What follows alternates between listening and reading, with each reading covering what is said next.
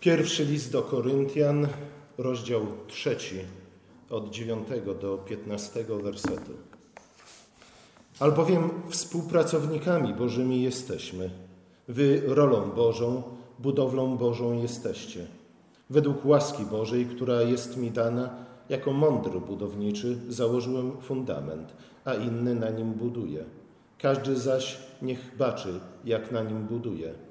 Albowiem fundamentu innego nikt nie może założyć oprócz tego, który jest założony, a którym jest Jezus Chrystus. A czy ktoś na tym fundamencie wznosi budowę ze złota, srebra, drogich kamieni, z drzewa, siana, słomy, to wyjdzie na jaw w jego dziele. Dzień sądny bowiem to pokaże, gdyż w ogniu się objawi, a jakie jest dzieło każdego, wypróbuje ogień. Jeśli czyjeś dzieło zbudowane na tym fundamencie się ostoi, ten zapłatę odbierze. Jeśli czyjeś dzieło spłonie, ten szkodę poniesie, lecz on sam zbawiony będzie, tak jednak jak przez ogień. Oto Słowo Boże. Apostoł Paweł od samego początku swojego listu do Koryntian napomina tamtejszych chrześcijan, by poniechali czynienia wszystkiego, co prowadzi do jakichkolwiek podziałów w Kościele, a już zwłaszcza, by poniechali czynienia podziałów w Kościele ze względu na próżną chwałę, która jego zdaniem jest zaprzeczeniem etosu krzyża. W trzecim rozdziale posługuje się trzema obrazami, aby zilustrować swój wywód.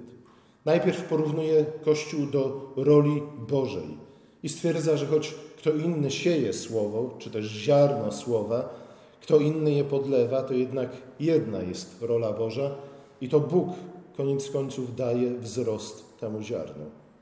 Zatem nie ma sensu, zdaniem apostoła, wynosić się z powodu czy to zasiewu, czy to nawadniania. Nie ma sensu przypisować, przypisywać sobie jakiejś szczególnej roli, czy też przypisywać szczególnej roli jednemu albo drugiemu. I z tego tworzyć jakieś frakcje w Kościele. Frakcyjność w Kościele nie jest bowiem nigdy przejawem ani umiłowania prawdy, ani umiłowania sprawiedliwości, lecz zawsze podszyte jest osobistymi ambicjami i pychą. Tak to wynika, przynajmniej z pierwszych dwóch rozdziałów tego listu. Następnie Paweł przechodzi do innego obrazu, do, do obrazu budowli. Jednoznacznie stwierdza, że nieważne jest to, kto buduje na fundamencie Chrystusa, ważne jest to, jak to czyni. Oczywiście najistotniejszy tutaj jest fundament Chrystusa, a dokładnie rzecz ujmując, Chrystus ukrzyżowany, czy też krzyż Chrystusa, ze względu na to, że On tak naprawdę dokonuje całej oceny, czy też osądu tego, jak kto buduje na tym fundamencie. Niemniej jednak ten fundament zobowiązuje budowniczego do odpowiedniego wznoszenia reszty budowli. Reszta budowli ma odpowiadać fundamentowi. Fundament jest wyznacznikiem tego, jak ta budowla ma wyglądać, koniec końców, a również tego, w jaki sposób ma być zbudowana, a także, jak następnie Paweł mówi, z jakich materiałów ma być zbudowana. Mówiąc o budowaniu Kościoła jako domu Bożego, Paweł również przyrównuje ją, ten dom, do świątyni. Świątynia jako dom Boga i jako symbol ludu Bożego pojawia się oczywiście już w Starym Testamencie. Od samego początku właśnie w całej swojej bogatej symbolice zarówno przybytek, jak i później świątynia były domem Boga, ale były również symbolem, metaforą człowieka pobożnego, a także ludu Bożego. W świątyni mieszkała chwała Pańska. I to było tak naprawdę najważniejsze. Bóg zamieszkał pośród nas. Nie w taki sposób, w jaki zamieszkał poprzez Chrystusa, ale mimo to zamieszkał pośród nas. A jednak chwała Pańska opuszczała ten dom i opuszczała świątynię za każdym razem, może nie od razu, ze względu na to, że Bóg jest jednak cierpliwy, ale ta chwała opuszczała świątynię, kiedy kapłani, a za, nim, za nimi idąc również lud, zaczynali czcić Boga ustami, ale ich serca były daleko od Boga. kiedy kult był kompletnie oderwany od etyki, kiedy świadectwo ich życia było zaprzeczeniem kultu, jaki sprawowali w świątyni. I w końcu dochodzi do nawet takiego momentu, i to nie raz, ale wielokrotnie, że Bóg nie tylko opuszcza świątynię, ale również niszczy tę świątynię. Ostatni raz miało to miejsce w 70 roku po Chrystusie, zgodnie z zapowiedzią z Ewangelii na przykład Mateusza 24 rozdziału. Ale jak już mówiłem, świątynia jest także obrazem człowieka pobożnego i pobożnej wspólnoty. Patrząc na świątynię, patrząc na to, w jaki sposób była zbudowana, w jaki sposób była zaprojektowana, w jaki sposób była urządzona, w jaki sposób odbywał się w niej kult, możemy bardzo wiele się nauczyć na temat tego, co to znaczy być pobożnym człowiekiem, co to znaczy być człowiekiem sprawiedliwym, co to znaczy być wspólnotą świętych. Wiele można było mówić na ten temat, ale zwróć, chciałbym zwrócić na jedną uwagę, a mianowicie, że przybytku, a później świątyniu, w sercu tej budowli był umieszczony dekalog. Dekalog, który miał kształtować zarówno pragnienia ludzkiego serca, jak i dzieła jego rąk. W Nowym Przymierzu miejsce tego słowa wykutego na kamieniu, na skale, zajęło słowo zapisane na mięsistym sercu. A zatem sam Chrystus ukrzyżowany. To On od tej pory jest naszym dekalogiem. To On powinien mieszkać w naszym sercu. To On jest miarą i wyznacznikiem wszystkich naszych działań. To On kształtuje nasze pragnienia, to On kieruje naszymi pragnieniami. To On również, Chrystus ukrzyżowany, interpretuje dla nas świat, nasze życie, a także naszą postawę, nasze dzieła, nasze uczynki. On z jednej strony osądza nas od początku do końca, ale z drugiej strony również pokazuje nam drogę do Królestwa Bożego. Słuchajcie, kto usuwa krzyż Chrystusa z centrum życia wspólnoty wiernych? Ten usuwa jej fundament, ten usuwa jej źródło, ten usuwa jej cel, ten usuwa jej spełnienie. I oczywiście usuwa również sąd. Ale słuchajcie, kontekście nawet tego fragmentu, który przeczytaliśmy, sąd jest czymś jak najbardziej pozytywnym. Chcemy, aby Bóg nas osądzał. Chcemy, aby Bóg przykładał miarę krzyża do naszego życia. Ze względu na to, że tylko w ten sposób jesteśmy w stanie odrzucić to, co nieprzydatne, to, co liche, to, co marne, to, co do niczego nie prowadzi oprócz upadku, a zastąpić to rzeczami, które są prawdziwie cenne. Słuchajcie, chcemy, żeby Bóg nas sądził, żeby przykładał do nas miarę krzyża. I tak naprawdę to jest największa szkoda, jaką ponosimy, kiedy przestajemy, odrzucamy Chrystusa ukrzyżowanego, kiedy nie chcemy pamiętać o jednym z trójcy, z trójcy który zawisł na tym przeklętym, na tym przeklętym drzewie i umarł za nas. Zdaniem Pawła jednak można zachować, przynajmniej w teorii, krzyż Chrystusa jako fundament wspólnoty Kościoła, a nawet powiesić go na ścianie, nawet powiesić go na szyi, a mimo to nie postępować drogą krzyża. I tu pojawiają się właśnie te materiały, o których apostoł wspomina, materiały, które, których używamy dla wznoszenia budowli na tym fundamencie, która w zamierzeniu ma być domem dla Boga i dla Jego ludu. Niektórzy próbują budować ten gmach przy pomocy łatwo dostępnych i tanich materiałów, przy pomocy tego, co mają pod ręką. Niestety, to nie jest dobry sposób na budowanie czegokolwiek. Słuchajcie, zazwyczaj tak jest, że to, co mamy pod ręką, niekoniecznie jest tym, czego potrzebujemy. Tutaj jedna uwaga, jedna bardzo ważna dygresja. E, zwróćmy uwagę na to, że Paweł mówiąc o budowaniu tej, tego domu dla Boga i dla Jego ludu, e, mówi przede wszystkim o tych, których nazywamy sługami Kościoła, a więc o pastorach, o nauczycielach o, i o ewangelistach. W pierwszej kolejności do nich powinniśmy odnieść to nauczanie. Z drugiej strony, w jakimś sensie do każdego z nas możemy to odnieść, ze względu na to, że każdy z nas jakąś budowlę ze swojego życia próbuje sklecić. Zatem te ogólne te zasady, które odnoszą się w pierwszej kolejności do pastorów, nauczycieli i ewangelistów, jak najbardziej każdy z nas może i powinien odnieść do samego siebie. Materiały łatwo dostępne i tanie to materiały, które po pierwsze niekoniecznie są materiałami, które, których potrzebujemy do budowania. Nie? Z drugiej strony to są materiały, które nie wymagają od nas wielkiego wysiłku, poświęcenia ani ofiary. Od po prostu bierzemy to, co mamy pod ręką. I słuchajcie, może tak być, że to, co mamy pod ręką, samo w sobie jest cenne i wartościowe. Zgadza się? Ale może niekoniecznie akurat to jest nam potrzebne do budowania. Albo może nie jest potrzebne nam do budowania na tym etapie budowania. Nie? I w tym momencie rzeczywiście, nawet jeśli to, co bierzemy, jest samo sobie cenne i wartościowe, ale bierzemy to tylko i wyłącznie dlatego, że mamy to pod ręką. Słuchajcie, przykład. Ktoś, kto fascynuje się na przykład filozofią, nie? Bywają tacy ludzie, chociaż jest ich coraz mniej. W większości tak zwani filozofowie nie są filozofami, ale mniejsza z tym. Słuchajcie, ktoś się fascynuje filozofią i jest naprawdę dobry w tym.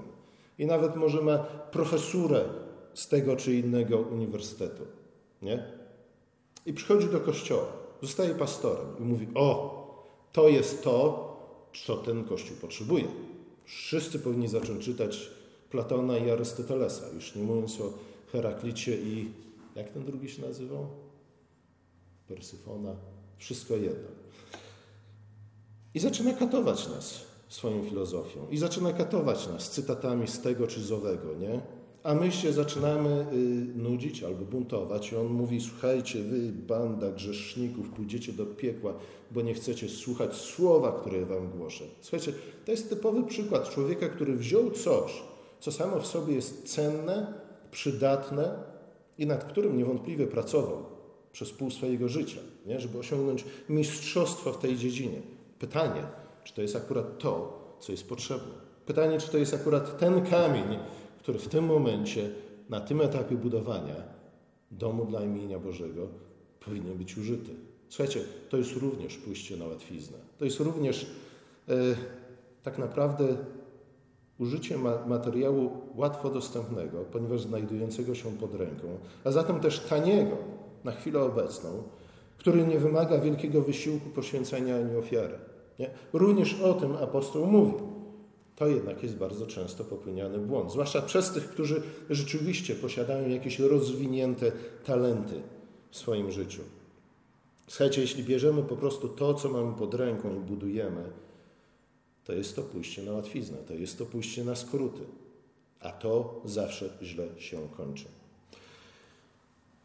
Słuchajcie, może być też taka sytuacja, że bierzemy to, co jest rzeczywiście drogocenne, albo może co zdaje nam się być drogocenne, głównie po to, może niekoniecznie dlatego, że mamy to pod ręką i tak jest dla nas wygodnie, ale dlatego, że to jest nasze, że to nosi nasze imię, że to jest nasze dziecko. Nie? Oczywiście wszyscy wiedzą, że rodzice są kompletnie ślepi na jakiekolwiek błędy swoich dzieci. Nie? Moje dziecko jest, że tak powiem, aniołkiem barokowym, który sfrunął prosto z nieba. Cudze dzieci, oczywiście, nie? Ten jest pyskaty, tamten nie mówi dzień dobry, tamten nie mówi dziękuję, nie? Widzimy to doskonale u cudzych dzieci, u swoich zazwyczaj nigdy. Ale tak jest też z rzeczami, które my tworzymy, które się angażujemy, które nas interesują, ponieważ są nasze, ponieważ są naszymi dziećmi, więc uważamy, że och, to jest to najcenniejsze, to jest to najważniejsze, to jest to najdrogocenniejsze.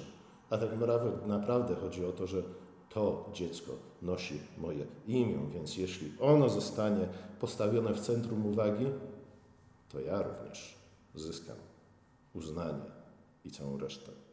Słuchajcie, albo więc uciekamy od potu, znoju i łez, robiąc to, co potrzebne i konieczne, budując dom dla Boga i dla Jego ludu, albo, sądzi, albo sądzimy, że Bóg zadowoli się byle czym. Albo też liczymy na to, że On weźmie to byle co i zamieni to w coś cennego. Nie? Czyż Bóg, Jego moc nie przyjawia się w ludzkiej słabości? To prawda, Co więcej, Boża mądrość nawet się przejawia w ludzkiej głupocie. Ale czy to znaczy, że mamy być słabi i że mamy być głupi? Bynajmniej. Apostoł Paweł w liście do Rzymian tym razem rozwiewa wszelkie tego rodzaju mrzonki. Nie zastanawiamy się nad tym, co i jak należy budować. Nie rozpoznajemy potrzeb i wymogów sztuki budowania. I albo idziemy na łatwiznę, albo szukamy po prostu uznania w oczach ludzi. Jedno i drugie jest złe. Jedno i drugie prowadzi do tego, że tak naprawdę budujemy z drewna, z siana, ze słomy, z trocin. I oczekujemy, że ludzie będą zachwyceni efektem naszej pracy. A jak nie są, to ich strofujemy, bo mówią: Och, och, ty jesteś taki, lubisz osądzać innych, nie? Spójrz na siebie. Słuchajcie, to, to są tak naprawdę dwa najczęściej spotykane grzechy pośród pastorów, sług Bożych i całej reszty. Albo byle jakość i chodzenie na łatwiznę, albo szukanie próżnej chwały. Powinienem to do siebie powiedzieć, wiem, nie do Was. Ale może ktoś z Was kiedyś zapragnie być nauczycielem w kościele, albo nauczycielem w szkole, albo ojcem, albo matką, nie? albo szefem, albo przełożonym tego czy owego. Nie? W jakim sensie to odnosi się do wszystkich ludzi, którzy w jakiej, jakiekolwiek piastują stanowiska, w których są odpowiedzialni za innych ludzi. Albo byle jakość, czyli to, co mam pod ręką, albo próżna chwała. Słuchajcie, to podobnie jak podziały i wzajemnie zwalczające się frakcje w Kościele w żaden sposób nie służą Kościołowi, ale przede wszystkim są zaprzeczeniem etosu krzyża. No bo spójrzmy na krzyż. Niech On nas osądzi. Niech On osądzi naszą postawę i nasze myślenie. Gdzie w ukrzyżowanym Chrystusie widzimy byle jakość? Powiedzcie mi. Albo coś, co przynajmniej się zbliża do byle jakości. Nie ma. Absolutnie żadnej. Gdzie w krzyżu, w ukrzyżowanym Chrystusie widzimy chodzenie na skróty? Nie ma. To jest zaprzeczenie chodzenia na skróty. Diabeł, kiedy Jezus po swoim chrzcie poszedł na pustynię i tam pościł przez 40 dni, właśnie mówił, ale Jezu, jest prostszy sposób na osiągnięcie Twojego celu. A Jezus mówi, sorry, ale nie. To nie pasuje do tego, do tych schematów, które chcę ustanowić w tym świecie i które jako jedyne tak naprawdę są w stanie doprowadzić nas do czegokolwiek dobrego i pięknego. Gdzie widzimy jakąkolwiek łatwiznę w krzyżu Chrystusa? Znów żadnej. Gdzie szukanie poklastu i próżnej chwały? Przez pójście na przeklęte drzewo krzyża, na drzewo hańby? Nie ma. Gdzie szukanie swego? Absolutnie. Słuchajcie, to wszystko zostało osądzone na krzyżu. Krzyż jest zaprzeczeniem tego wszystkiego. Krzyż to trud, pot i łzy. Krzyż to przelana krew. Krzyż to ofiara. Krzyż przypomina, że to, co cenne, to, co trwałe, to, co dobre, to, co piękne, wymaga ofiary. Jeśli nie złożymy żadnej ofiary, to to, co wyniknie z naszych działań, nie będzie ani dobre, ani piękne, ani miłe, ani przydatne. W żaden sposób. I słuchajcie, Biblia mówi o tym od samego początku. Ponieważ spojrzymy na Adama i Ewę i na ich historię, to słuchajcie, oni wżyli sobie wygodnie i spokojnie w rajskim ogrodzie.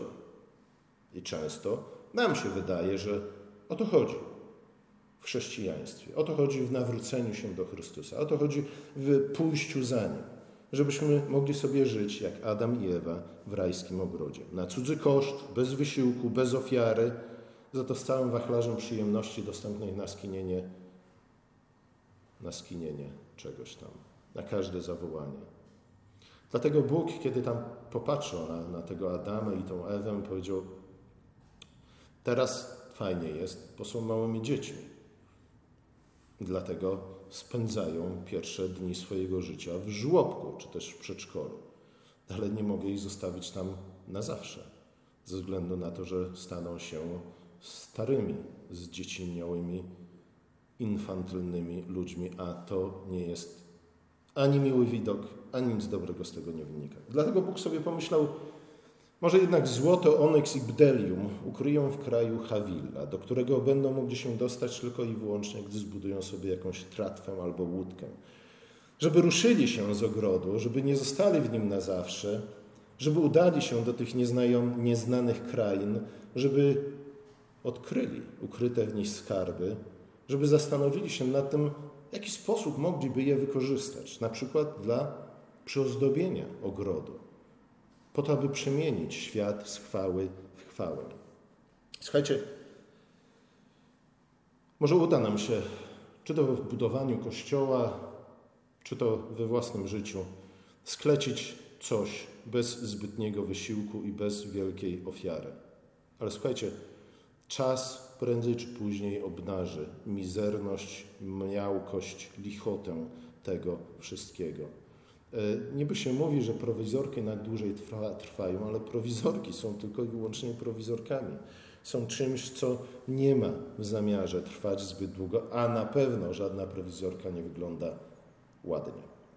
Każdy kolejny kryzys w coraz większym stopniu będzie nadgryzał tę naszą byle jak skleconą konstrukcję, aż w końcu nic z niej nie zostanie. Być może sam jeden tylko fundament, o ile jest nim Chrystus ukrzyżowany.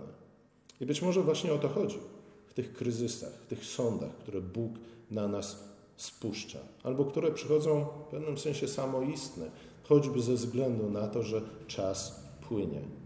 Może o to chodzi, żeby pozbawić nas tego, co tanie i liche i nędzne żeby wypalić nasze życie z tego, co nie tylko, że niczemu nie służy, ale wręcz zajmuje w naszym życiu miejsce tego, co dobre i piękne i prawe i szlachetne.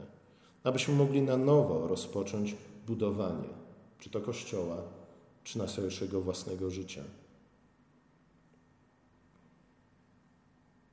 A zatem, kiedy następnym razem spotka nas kryzys, y, na pewno nie będzie miły, bo kryzysy nie są nigdy miłe, ale podejdźmy do niego właśnie z pewnym oczekiwaniem pełnym nadziei, że być może to będzie ten moment, który pozwoli nam porzucić to, co niepotrzebnie nas obciąża, a co do niczego nie jest przydatne.